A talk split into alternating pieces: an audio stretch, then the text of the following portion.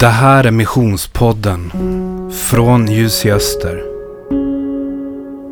Min far svek inte sin tro eftersom det var hans liv. När en person förlorar sitt liv, vad har han då kvar att ge sin familj? Beijing, Kina, våren 1949. Körsbärsblommorna fladdrar tillsammans med hammaren och skäran i vårvinden. Överallt i staden vakar den röda fanan över medborgarna. Johan fnyser åt kommunisternas högmod och tar blicken från flaggorna som hängs från fönstren, på lyktstolparna och ut med gatans husfasader.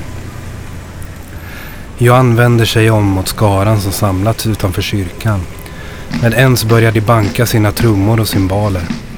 Dånet väcker kvinnorna vid grönsaksstånden ur vardagen.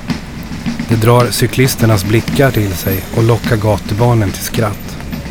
Med ett glatt leende manar Johan till troende att fortsätta och för att låta den snabbt växande skaran av åhörare veta vad uppståndelsen handlar om börjar han predika. När symbolerna skallat för sista gången fångar Johan upp den tilltagande stämningen genom att gestikulera mot och bjuda in folkskaran till kyrkan. Då får soldaterna, som för en stund sedan rundat gathörnet nog, i några svep med batongerna skingrade i folkmassan.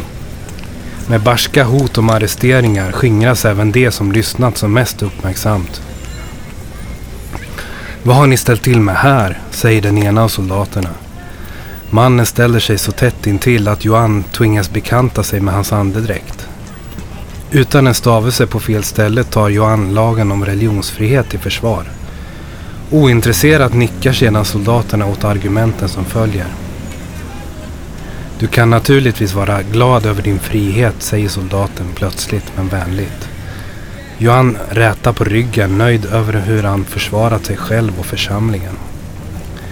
Mannen bugar sig lätt och hälsar artigt adjö. Lite av de gamla sätten satt trots allt kvar, tänker Johan och tackar Herren för att toleransens tid ännu inte är förbi. Men några steg bort vänder sig soldaten om mot Johan med en uppmaning om att vara försiktigare i framtiden. Vi har precis befriat staden och det är kaos överallt. Du borde inte stå och predika utomhus överhuvudtaget. Samtidigt som Jan började se sig om efter de försvunna åhörarna insåg han att snaran var på väg att dras åt. Gränsen för vad regimen skulle tolerera skulle bli allt snävare och han själv befann sig mitt på den. Det här är berättelsen om Yuan Chiangchen, pastorn och predikanten som vägrade att böja sig under det tak som Kinas kommunistregim la i början av 1950-talet. På bekostnad av sin egen och familjens framtid spred han ogenerat evangeliet bland kommunisterna. När gränsen för vad regimen tolererade var nådd gav de honom ett ultimatum. Jesus eller familjen.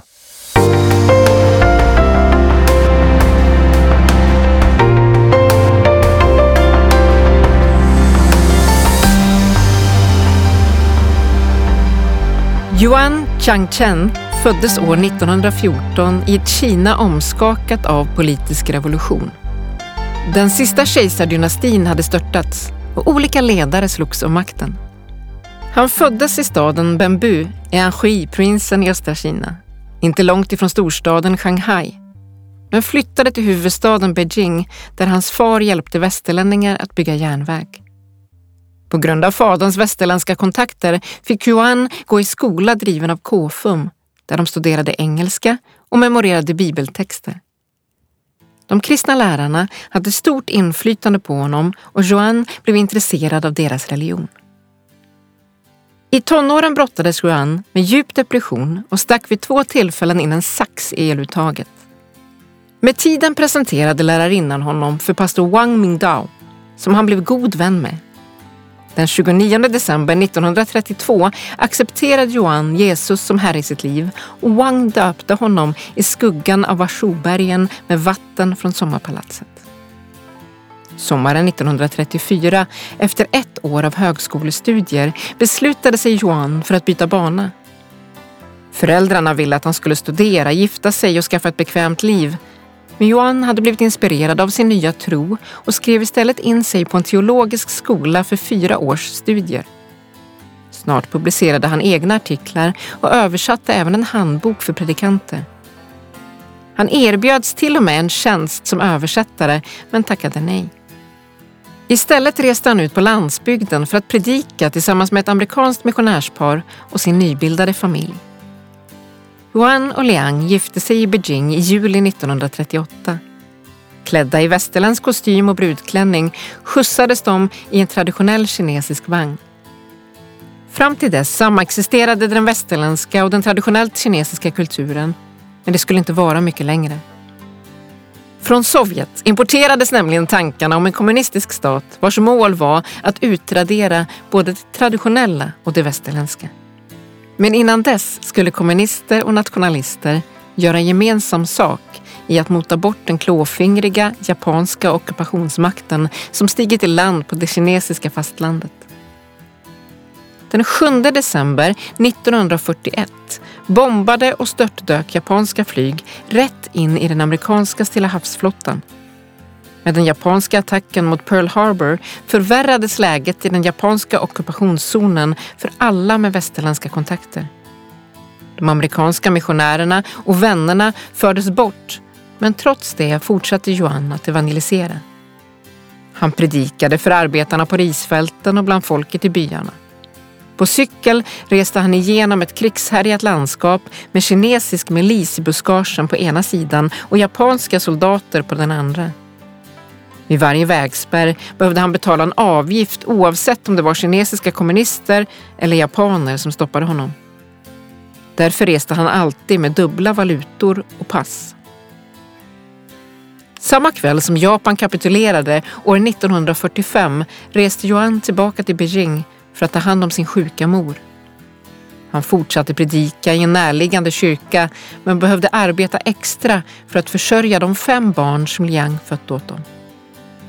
När japanerna kapitulerat inför hotet om den amerikanska atombomben inleddes den kinesiska inbördeskriget. När nationalisterna var på randen att besegras av kommunisterna vintern 1948 lämnade många missionärer landet. Men Yuan stannade kvar. I Beijing hyrde Yuan en gammal kyrka. Hyran motsvarade 150 kilo ris, vilket han betalade ur egen ficka genom fler extrajobb. Församlingen som möttes på Shenmengatan 160 är densamma som vi berättade om i inledningen. Evangelisationskampanjen drog alltså inte bara folkets utan även kommunisternas uppmärksamhet till sig. Denna gång lät soldaterna dem gå med en varning och medan kommunisterna hölls upptagna med att skapa ordning och reda i landet verkade församlingarna fortsättningsvis ganska fritt. Men det skulle snart bli uppenbart att kommunisternas plan var begränsa, reformera och att till slut utplåna den kristna tron. För att reformera kristendomen skulle man komma att tvinga de troende att anta de så kallade tre självprinciperna som partiet format. Självstyre, självunderhåll och självutbredande. Kyrkan skulle alltså rensas från västerländskt inflytande och istället vara styrd av den kinesiska staten. Om du inte öppet bekände din patriotism genom att skriva under på de tre principerna betraktades du som kontrarevolutionär.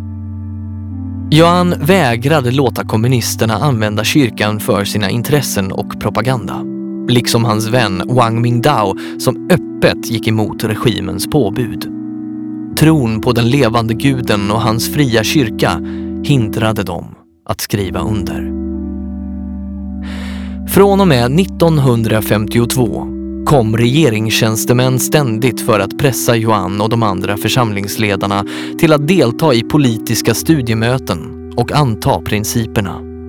Yuan vägrade, men började liksom många andra vackla när regimens tolerans tog slut. År 1955 brändes över tusen kyrkor ner. Tiotusentals arresterades och flera tusen avrättades av kommunisterna. På kvällen den 7 augusti samma år arresterades Yuans vän, pastor Wang Mingdao. Efter arresteringarna gav Yuan efter för pressen och blidkade regimen genom att delta på de politiska studiemötena. Myndigheterna såg mötena som en möjlighet för en kontrarevolutionär att förändras. Men de insåg snart att Yuan inte skulle låta sig förändras.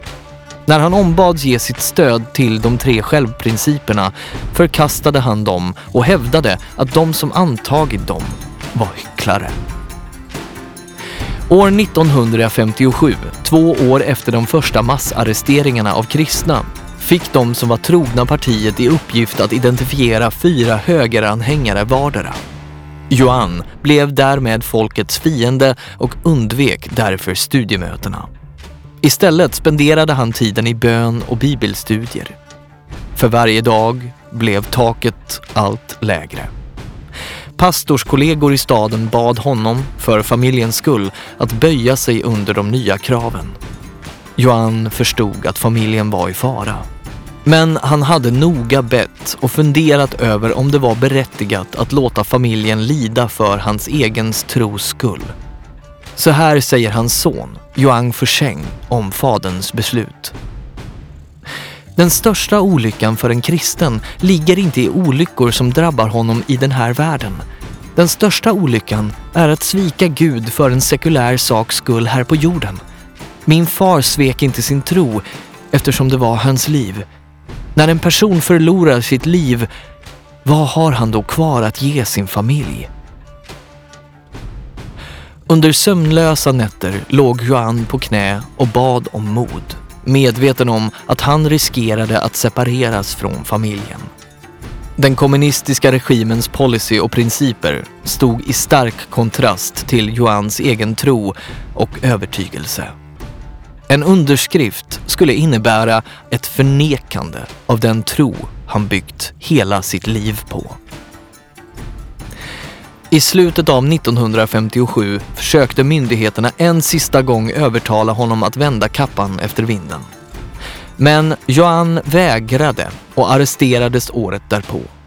Vid klockan 11 på kvällen den 19 april 1958 bjöds han in till ett möte på Säkerhetsbyråns lokalkontor där han anklagades för att vara en aktiv kontrarevolutionär trots att han endast försvarat religionsfriheten och inte försökt störta regimen. Samtidigt som poliserna försedde honom med handfängsel genomsöktes familjens hem inför ögonen på barnen.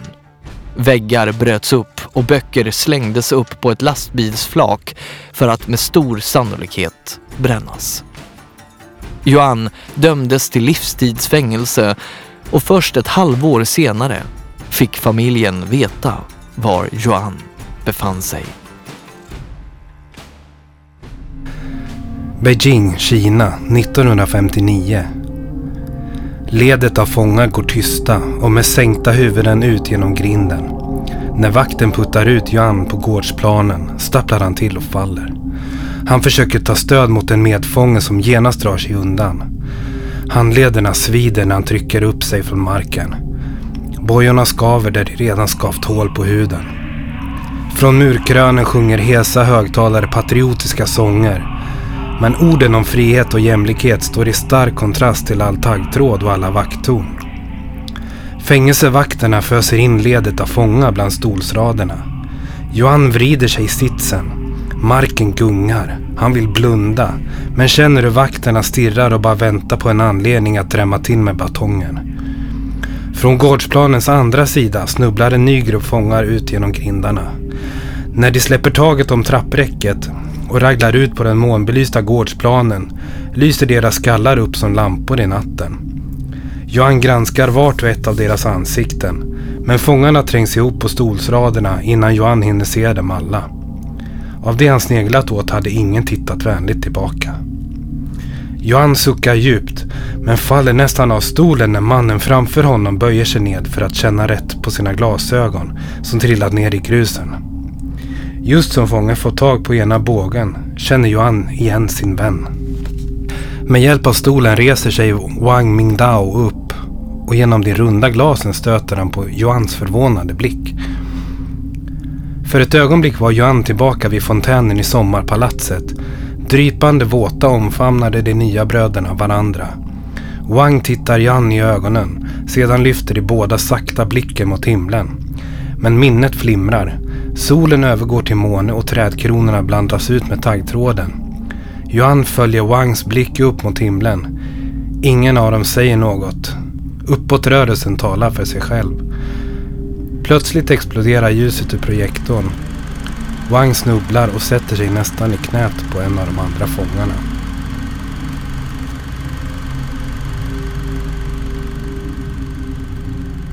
Som ett sätt att tala om himlen mitt i misären lyfte vännerna sina blickar mot himlen.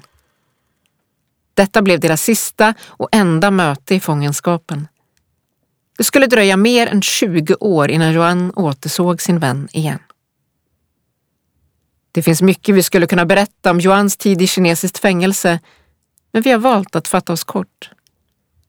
Vid fyra olika tillfällen tvingades Johan och hans medfångar bygga upp sina egna fängelsemurar. Han blev straffad för att han evangeliserat bland fångarna och spärrades in i isoleringscell i sex månader för att han fortfarande trodde på Gud. I oktober 1965 besöktes han av Fusheng, en av hans söner. Det blev en känslosam stund för dem båda. Sonen hade hunnit bli 18 år och var på väg ut i livet utan faderns ledning. Så här minns Fusheng denna speciella stund i fängelset i Beijing. Pappa grep mina händer och höll i dem en lång stund.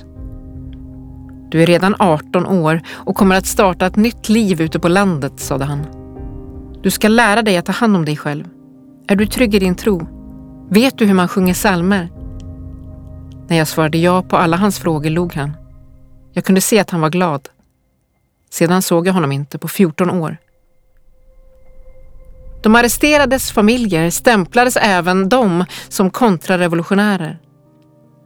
Liang, nu fru till en aktiv kontrarevolutionär, fick lämna sin post som ledare för gatukommittén.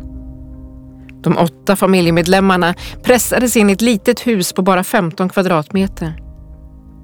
För att försörja familjen började Liang slita på en byggarbetsplats.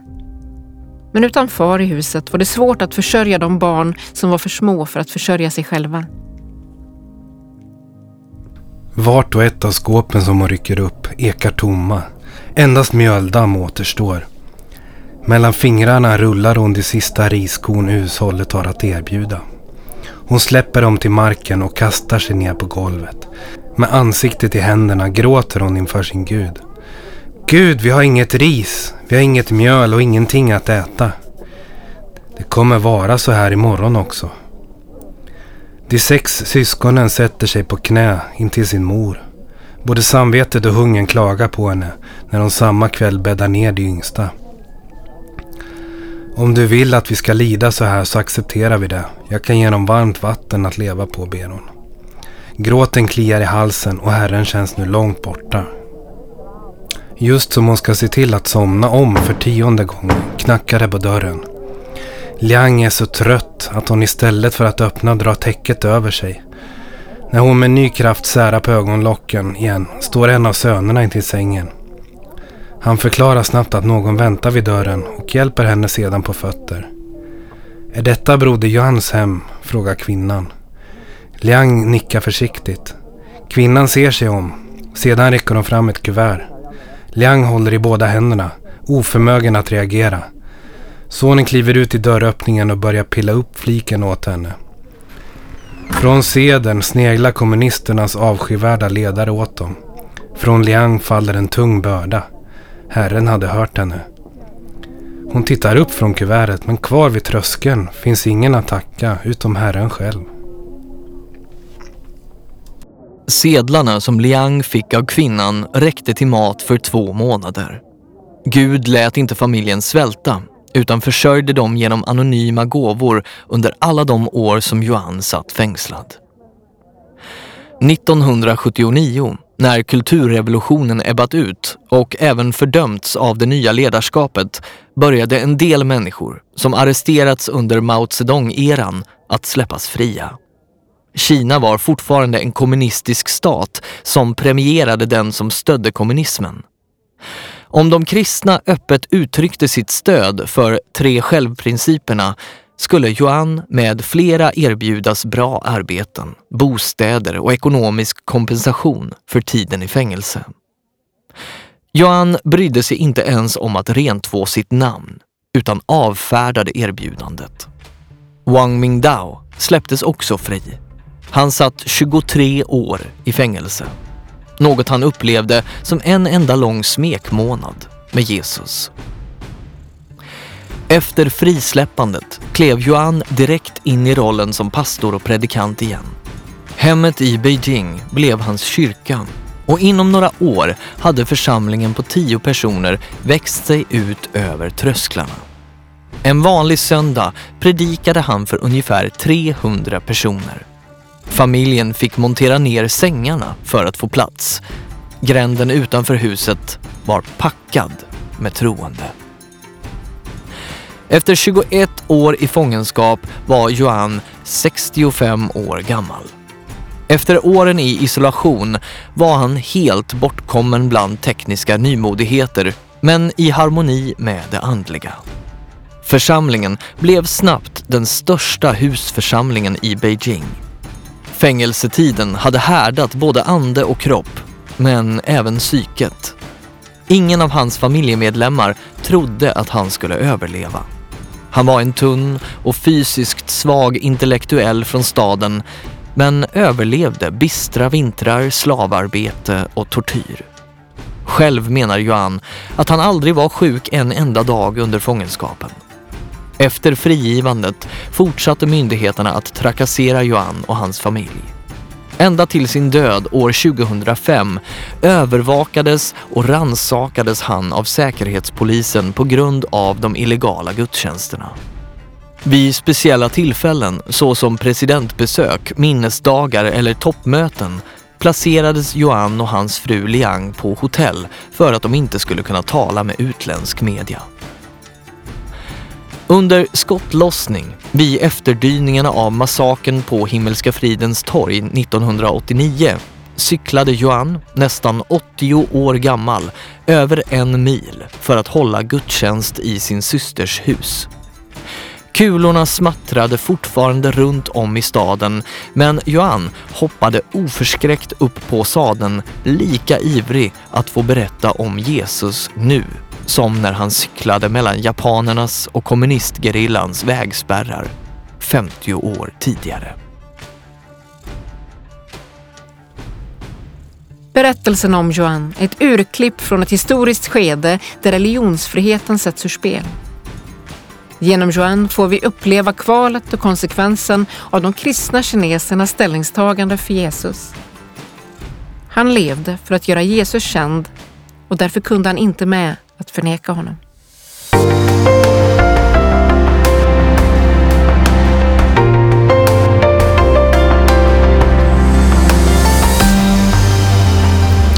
Du lyssnar på Missionspodden. Vi fortsätter nu med ett samtal mellan Magnus Lindeman, direktor på Ljus i Öster och Marcus Furingsten, fältansvarig på Ljus i Öster. Ja, då sitter vi här igen och har lyssnat till ytterligare ett otroligt berörande vittnesbörd om Allan Johan. Mm. Fantastiskt. Vilken, vilka val han gjorde i den där svåra tiden som 50-talet mm. var. Ja. Med massarresteringar och förföljelse. Och, och så ta ett livstidsstraff mm. för att vara med och välja att, att tjäna Gud. Och det som jag tycker blir väldigt tydligt i de här berättelserna, inte, jag menar speciellt den här som vi har lyssnat till men också de andra som vi har lyssnat till tidigare, det är ju att det finns en sån fasthet när det gäller tron. Eh, en kompromisslöshet. Alltså tron är värt allt. Man är villig att ta det här priset, kostnaden, vad det än kostar. Mm. Och även när det går ut över familjen. Ja. Det, och det har ju vi svårt med, som vi nämnt också i andra sammanhang, mm. att, att förstå. Och samtidigt så är det, det, det är verkligen allt eller inget som ja. gäller. Och det är klart att det intressanta i den här berättelsen är ju också att mitt i, i hans val som drabbar hans familj och som gör det tufft för familjen så får de ändå vara med om att Gud är trofast. Ja. Eh, förser på ett mirakulöst sätt in i deras situation. Ja men precis, att som hans hustru där var, var i, i den situationen att, att bara tänka sig att ja, men jag får ge mina barn vatten, Mm. varmt vatten och det, det är det jag har. Ja. Och sen få vara med om Guds mirakel Ja. in, in i den och se att Gud faktiskt har omsorg även om familjen. Även om, om, om det var fadern i huset som, som fattade beslutet så Mm. tar Gud ändå hand om familjen. Ja. Och det, det är ju detta som är så utmanande för oss tänker jag. Både den här fastheten i tron men också att lita på att Gud är trofast eh, och se detta. Jag tror att vi behöver detta idag i Sverige. Eh, vi är mitt i ett samhälle som har väldigt mycket med politisk korrekthet att göra. Det är lätt att vi blir tysta som kristna, att vi inte riktigt står upp för det vi faktiskt tror är sant och det som vi håller fast vid eller ska, borde hålla fast vid. Eh, och så utmanas vi när vi ser den kinesiska kyrkan. Ja. Som på något sätt, nej tron är viktig, den är värdefull. Det, vi ska inte kompromissa kring detta.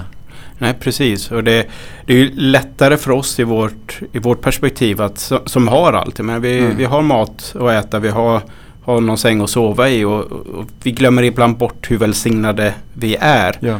Och likadant hur, hur enkelt det kan vara för oss att tro. Även om vi också har våra utmaningar så, så är det inte så att vi väljer på att ha vår tro och med det som konsekvens få livstidsfängelse. Nej.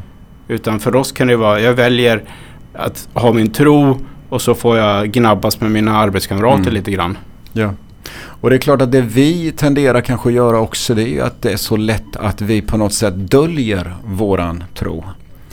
Eh, därför att vi är oroliga för att stå ut i vårt samhälle. Vilket är, det, det är väldigt komplext Sverige på ett sätt. Mm. Alltså just detta att du har en politisk korrekthet, och du ska hålla dig till de här riktlinjerna och samtidigt ska du gärna sticka ut. Men där är det många av oss kristna som inte vågar sticka ut. Eh, och då blir vi påminda om att men den här tron som vi har, den är viktig.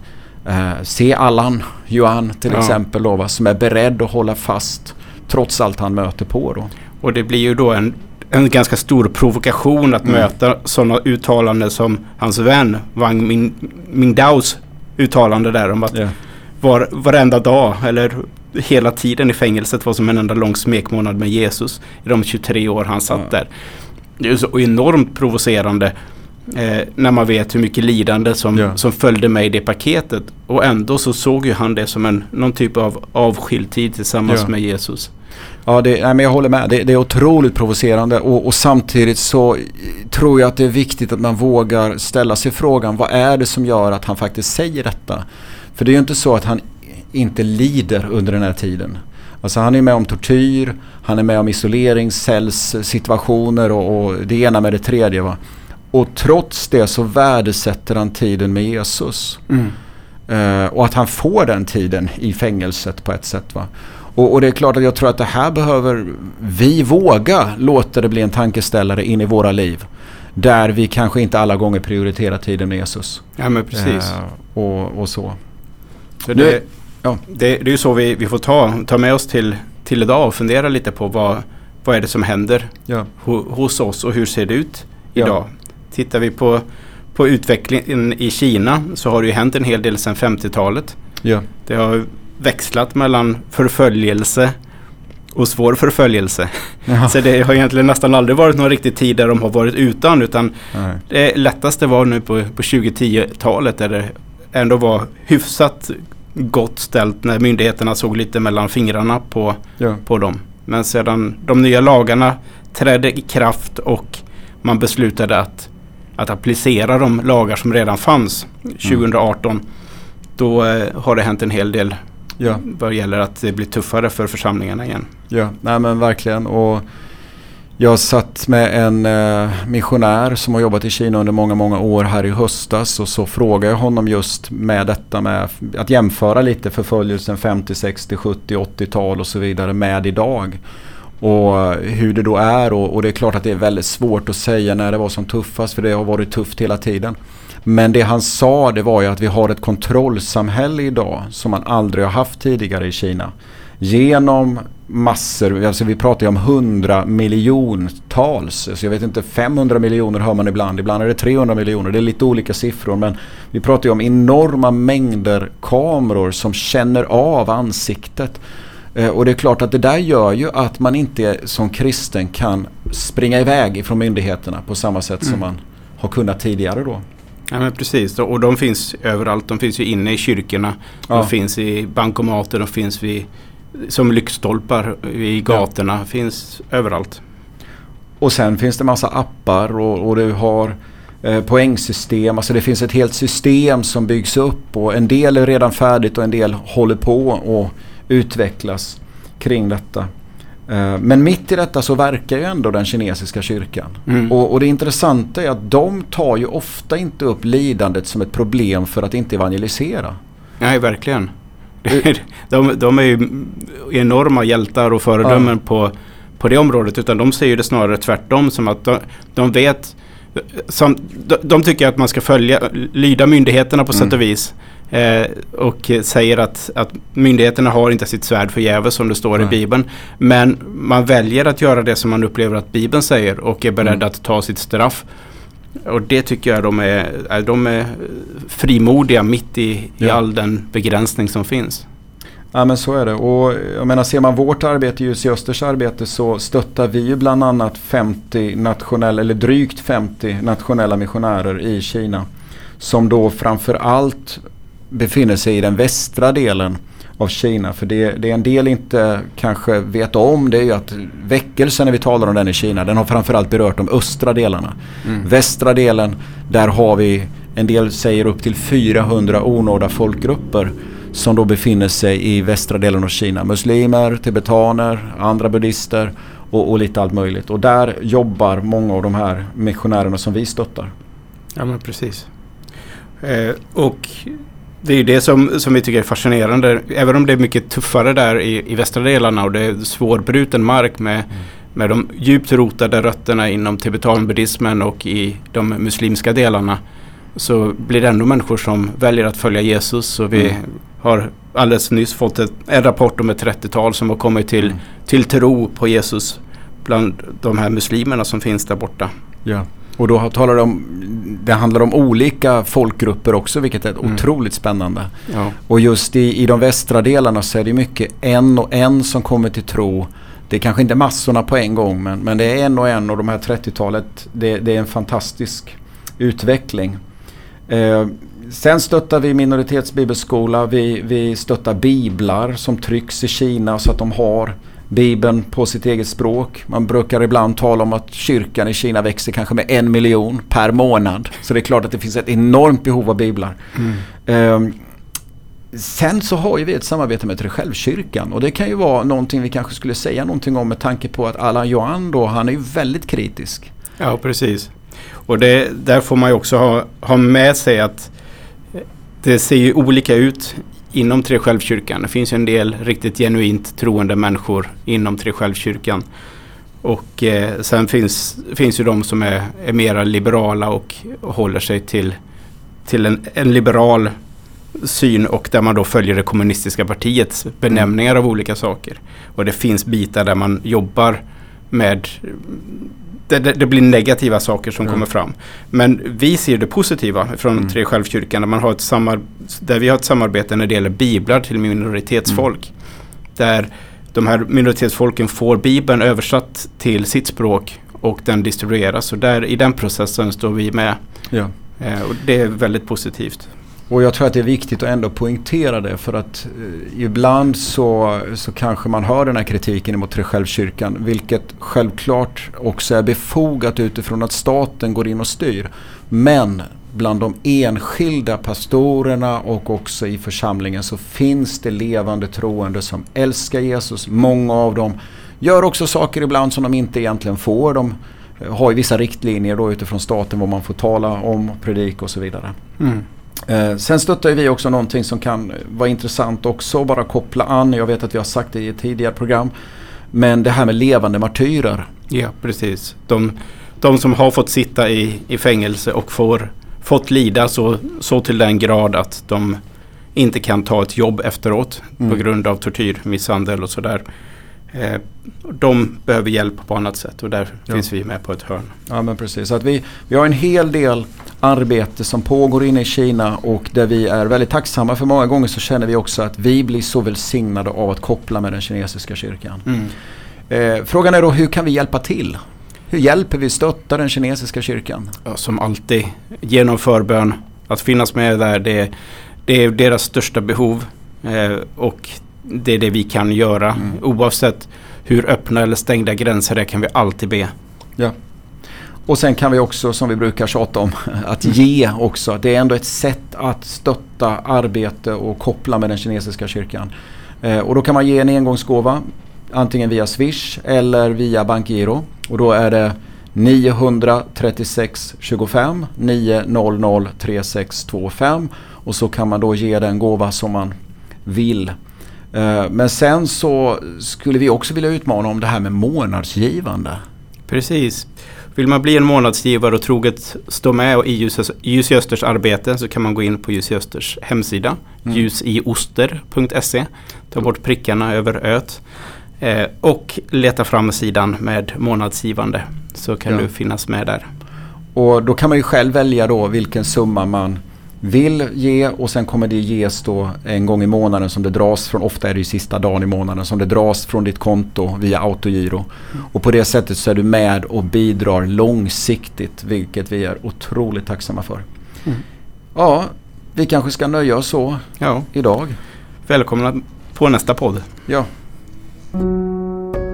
Du har fått lyssna till Missionspodden från Ljus i Öster.